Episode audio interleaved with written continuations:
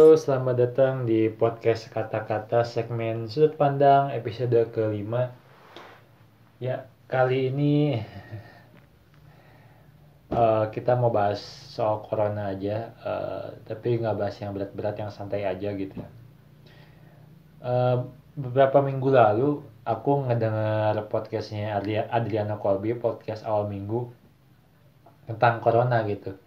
Jadi uh, intinya kita memang sudah harus siap-siap uh, bukan harus sih cuman memang apa kayak ada kemungkinan gitu ke siap-siap buat kalau virus corona ini berujung pada masa-masa post apokaliptik gitu ya.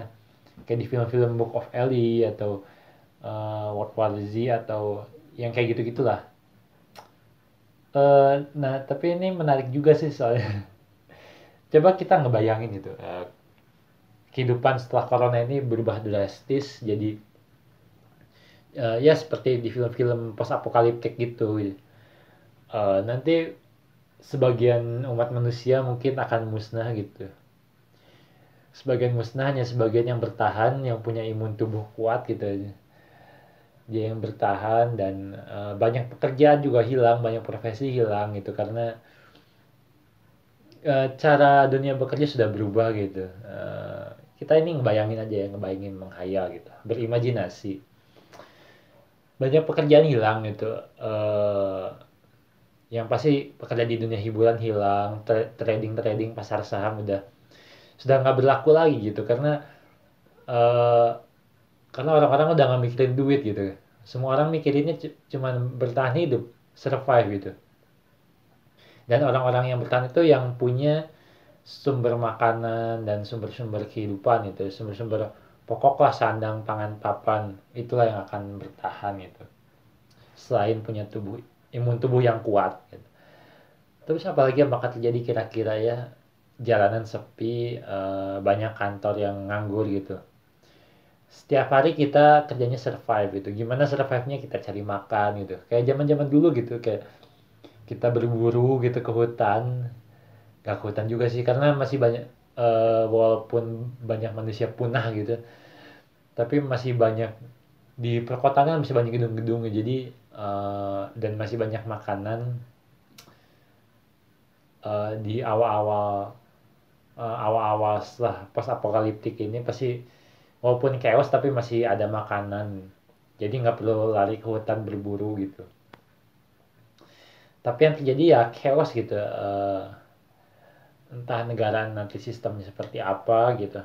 Cuman nanti yang uh, menarik sepertinya manusia akan berkelompok dalam jumlah yang kecil gitu. Misalnya satu kelompok 5 sampai 10 orang gitu beserta keluarganya. Nah, nanti mereka 5 sampai 10 orang ini setiap harinya pagi akan keluar buat uh, berburu makanan tapi nggak berburu ke hutan. Mungkin karena masih masih awal-awal gitu masih banyak makanan di kota berburu makanannya ke kota gitu. Kayak mereka akan nyari-nyari supermarket yang uh, supermarket ya supermarket yang tutup tapi uh, mereka mereka paksa dobrak terus dirampas makanannya penjarahan di mana-mana gitu. Ini pasti akan terjadi gitu setelah setelah ada chaos itu dan tidak adanya uh, aturan yang pokok gitu karena semuanya berdiri sendiri-sendiri. Uh, akan banyak penjarahan di supermarket juga ada gudang-gudang makanan gitu. Di pedagang-pedagang pasar itu harus menjaga harus ekstra keras menjaga makanannya menjaga stok pangannya itu mungkin mereka akan menyewa preman-preman dengan perjanjian tertentu gitu ya. Nanti ada chaos di sana terus uh, dari sisi ketahanan mungkin yang paling kuat itu yang tinggal di komplek-komplek militer gitu. Karena mereka akan dijaga ketat terus uh, mungkin kelompok militernya akan uh, berburu makanan buat uh, buat komunitasnya buat kelompoknya gitu. Dan nanti lima tahun pertama mungkin akan seperti itu. Mereka akan berburu gudang-gudang makanan mereka akan saling uh, mengambil makanan satu sama lain gitu. Sumber listrik pun akan diperebutkan uh, mereka akan uh, genset juga genset mungkin akan jadi salah satu barang yang paling dicari gitu. Genset terus uh, alat-alat dapur itu yang akan dicari untuk target uh, penjarahan.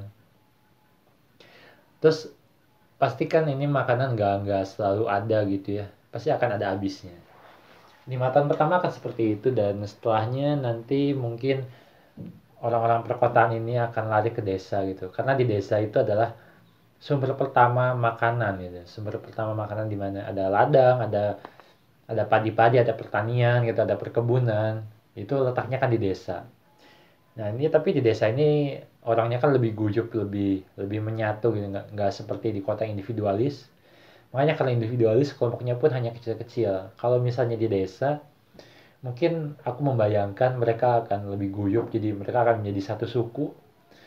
Nanti setelah ada chaos mereka dengar chaos di perkotaan mereka akan bangun benteng di desanya mempertahankan sumber daya makanannya. Uh, nanti mereka juga nanti orang-orang kota yang sudah kelaparan ini akan ke desa menyerbu desanya gitu pilihannya bisa dua bisa antara menyerbu eh ada tiga mungkin. Antara menyerbu mencuri diam-diam atau membuat kesepakatan dengan penduduk desa gitu. Supaya mereka bisa mendapatkan bahan makanan. Ya itulah pekerjaan uh, rutinitas baru gitu di zaman post apokaliptik setelah chaos setelah kalau corona ini bisa bikin chaos semuanya gitu. Pasti akan terjadi seperti itu uh, ini kita menghayal-menghayal aja ya. Terus apalagi dong ya uh, yang mungkin akan terjadi setelah uh, post apokaliptik di zaman pas apokaliptik? Ya semua pekerjaan udah musnah gitu. Uh, tapi aku masih uh, masih apa ya masih uh,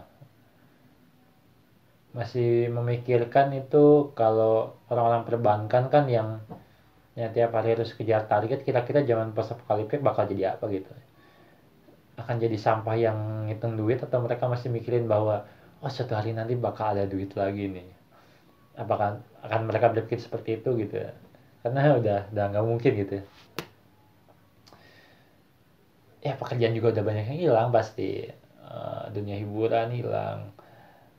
Ya soalnya setiap hari cuma buat survive doang gitu ya coba bayangin aja seperti itu. Terus banyak uh, bakal banyak di di di daerah perkotaan itu jalan-jalan jadi sepi. Gedung-gedung gedung-gedung perkantoran tuh lumutan. Nah ini komunitas yang terdiri dari 5 sampai 10 orang ini kalau rumahnya sudah diserbu mereka pasti akan uh, datang ke ke gedung-gedung perkantoran yang sudah nggak dipakai. Mereka jadi jadiin markas mereka gitu nah nanti politiknya tuh antar antar kelompok ini bikin politik bikin kerjasama gitu gimana mereka bisa mendapatkan sumber makanan gitu. Jatuhnya jadi kayak kayak zaman ya kayak zaman batu lagi zaman zaman sebelum zaman modern kayak gini gitu ya. Nanti terus ada setelah mungkin nanti setelah 10 atau 20 tahun pertama itu mungkin baru manusia-manusia ini akan kembali seperti zaman dulu berburu di hutan gitu. Nanti itu udah sekolah hitung-hitungan apa uh, sekolah soal bahasa apa segala macam itu nggak akan ada. Di sekolah itu cuma diajarin cara berburu gitu latihan fisik gitu. Itu yang diajarkan pada anak-anak nanti. Ya itulah. Ini kita ya itulah mungkin gambaran jika uh, wabah virus corona ini wabah virus corona ini nggak akan berakhir. Terus dunia chaos bakal terjadi kayak gitu.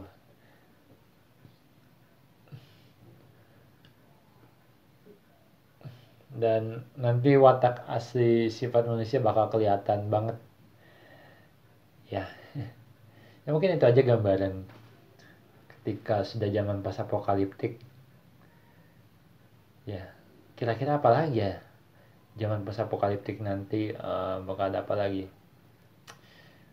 Dan pertama mungkin yang yang akan bertahan nanti itu orang-orang yang sudah uh, punya rumah gitu. Uh, awalnya itu tahun-tahun pertama pasti orang-orang yang punya rumah pasti akan bertahan dan anak-anak kosan pasti uh, akan menderita gitu. Uh, entah mungkin mereka punah duluan uh, nanti yang duluan itu ya ya nggak punya rumah yang uh, yang nggak punya rumah yang jauh dari akses menuju makanan yang imunnya lemah terus uh, profesi profesi yang bekerjanya uh, di dunia hiburan ngandelin passion terus uh, perbankan gitu yang yang yang naluri survive-nya naluri survive secara harafiahnya itu lemah pasti akan tumpas dalam ya 3 sampai 5 tahun pertama itu nggak akan bertahan. Atau mungkin menjadi budak dari kelompok yang lebih berkuasa gitu. Karena dunia sudah chaos gitu. Entah kemanusiaan itu bakal seperti apa gitu. Akan terjadi kemunduran peradaban. Ya kayak gitu. Ya aku membayangkannya seperti itu gitu. Ya aku pun mungkin termasuk dalam kelompok yang nggak akan bertahan lama kalau sudah zaman post apokaliptik I'm gonna die soon if that happen. Um, so jadi sekarang ya pasrah aja gitu. Uh, emang stres sih jam stres stres banget gitu karena hmm, banyak rencana batal. Banyak hal yang tidak bisa kita lakukan selama wabah ini. Uh, kita juga nggak bisa mengharapkan kenaikan gaji yang besar karena industri-industri sudah sangat turun. Hanya beberapa yang survive gitu. Dan banyak yang di PHK nggak um, bisa berharap banyak lah. Uh, ditambah pemerintah kita lambat uh, dalam penanganannya ini juga akan semakin lama gitu. Dan nggak tahu makin gak jelas ini lama-lama makin gak jelas sampai kapan gitu. Awalnya uh, pas ketika pemerintah udah ngeluarin kebijakan kita sedikit punya harapan bahwa ini akan berakhir dalam dua atau tiga bulan. Tapi kalau melihat akhir-akhir ini kebijakannya kurang tegas masih abu-abu gitu. Uh, aku tahu misalnya pemerintah uh, sebagian di orang-orang di pemerintahan pun serius ingin menangani ini tapi masih ada. Kelihatannya kelihatannya masih ada pertarungan kepentingan di dalam pemerintahan atau di anggota dewan gitu. Jadi peraturannya jatuhnya jadi masih abu-abu gitu. Nah ini yang aku masih uh, greget gitu. Makanya kayak ini kita nggak ada kejelasan dan kepastian kira-kira ini kita bakal selesai kapan gitu.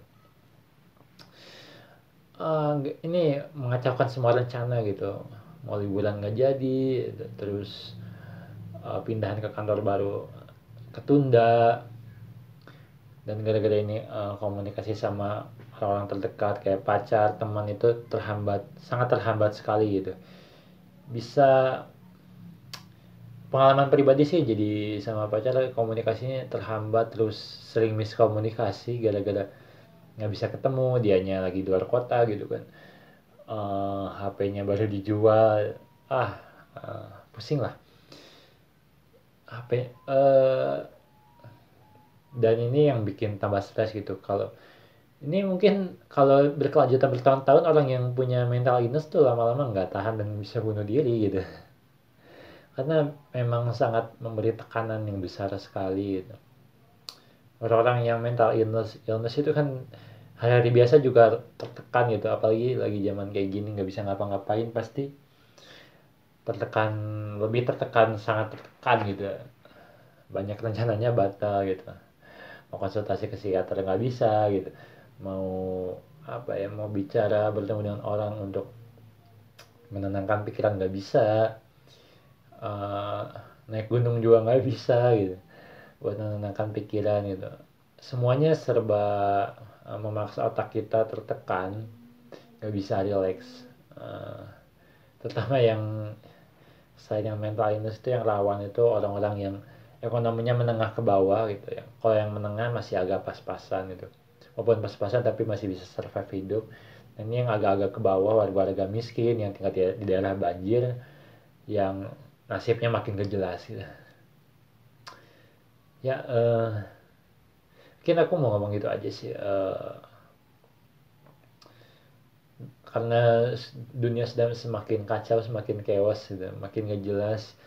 Berita-berita di media semuanya wabah berita buruk semua belum ada berita baik sampai hari ini walaupun ada beberapa orang yang uh, apa membuat berita yang sepertinya baik berita yang sepertinya memberi harapan tapi ya kita lihat aja realitanya realitanya seperti apa gitu. Kita belum ada kejelasan apa pun gitu. Soal nasib kita, kita ke depan gimana. Ya antara realistis atau optimis itu uh, susah itu orang yang positivity itu biasanya yang optimis itu biasanya orang-orang menengah ke atas gitu yang sudah terbiasa hidup enak gitu. Mereka ya optimis lah mereka akan bangkit gitu. Karena mereka butuh.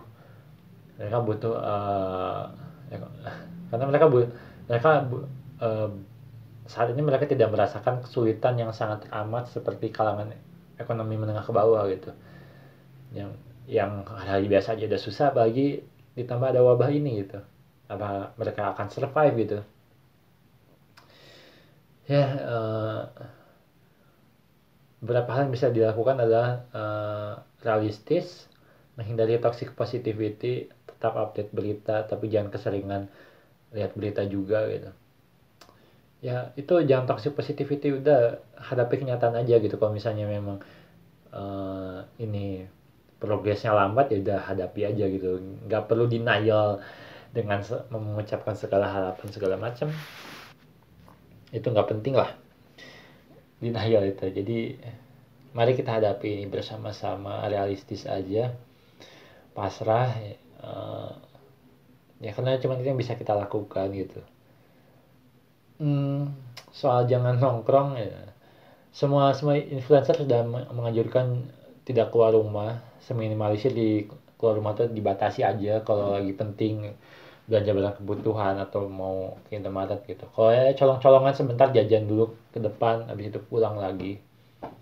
Atau kalau mau uh, ke tempat ngopi itu take away aja jadi ya datang ke tempat ngopi bentar nungguin kopinya jadi terus uh, pulang gitu. Take away, take away minumnya di rumah aja gitu. Jangan kelamaan. Kalau misalnya cuma nongkrong doang mendingan nggak usah ya seminimal mungkin lah di luar rumah colong-colongan dikit. Ya oke okay, tapi uh, setelah colong-colongan tolong isolasi diri lagi dua minggu di rumah. Ya karena di, inkubasinya kan dua minggu biasanya. Ya mudah-mudahan uh, anda tidak menularkan kepada orang lain gitu. Oke segitu aja. Sudah 17 menit juga dan aku bukan orang terkenal jadi kemungkinan tidak ada yang mendengar sampai akhir jadi aku akhiri saja. Oke siap-siap buat kita hidup di zaman pas apokaliptik aja. Oke terima kasih yang sudah mendengarkan. Oh ya kalau kamu punya cerita bisa kirim juga ke emailku di theophilus.richard at gmail.com t h e o f i l u s titik r i c h a r d at gmail.com atau bisa juga DM di Instagramku di @theorichard T H E O L I C H R D 93 nanti uh, pasti akan aku balas email dan DM-nya karena yang dengar nggak banyak gitu. Malah mungkin nggak ada gitu.